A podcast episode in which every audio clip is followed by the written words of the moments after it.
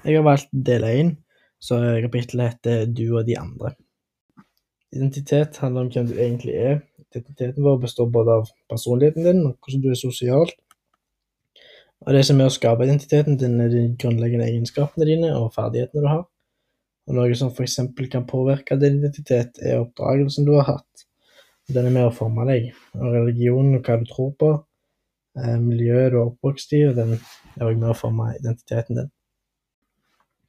Kultur kan forklares på ulike måter. Eh, det kan handle om ideer, verdier, holdningene dine, regler, reglene du følger, vaner og tradisjoner.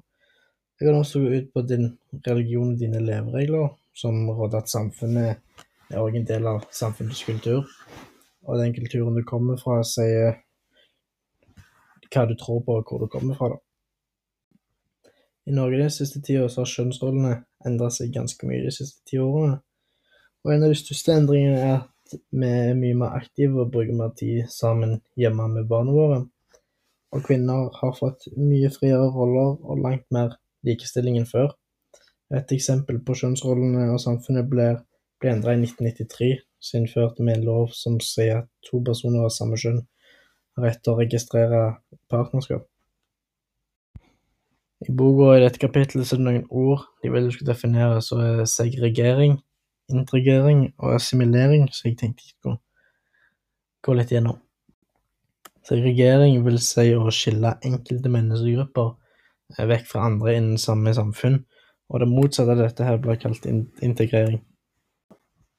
Integrering betyr å gjøre innvandrere og deres barn til en del av større, den større helheten, som vil si det norske samfunnet. Og et eksempel på integrering er at de plikter å ha de samme rettighetene som oss andre nordmenn. Og de har rett til å kunne gå i barnehager og skoler. Og barn har rett til morsmålsundervisning hvis de bor for det, og til å spise egen mat samtidig som de lærer norskspråket og, og norsk kultur. Assimilering er knytta til et prinsipp som sier at alle skal ha like plikter og like rettigheter. Og for å si det på en lettere måte, så kan du si å gjøre lik. Det er en prosess som gjør at en minoritetskultur utslettes, og de forsvinner som en gruppe og mister sin etniske identitet.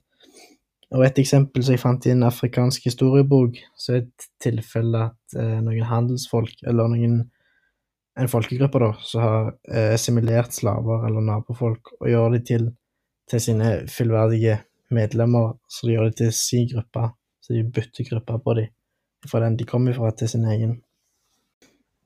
For det norske samfunnet så er det viktig å ha en helhetlig integreringspolitikk, vil si at innvandrere og barna de skal få bruke ressursene sine og bidra til fellesskapet. Og det som skal til for å bidra i det norske samfunnet, er å delta i arbeidslivet og ha gode norskkunnskaper. Det er det jeg har skrevet om dette kapitlet.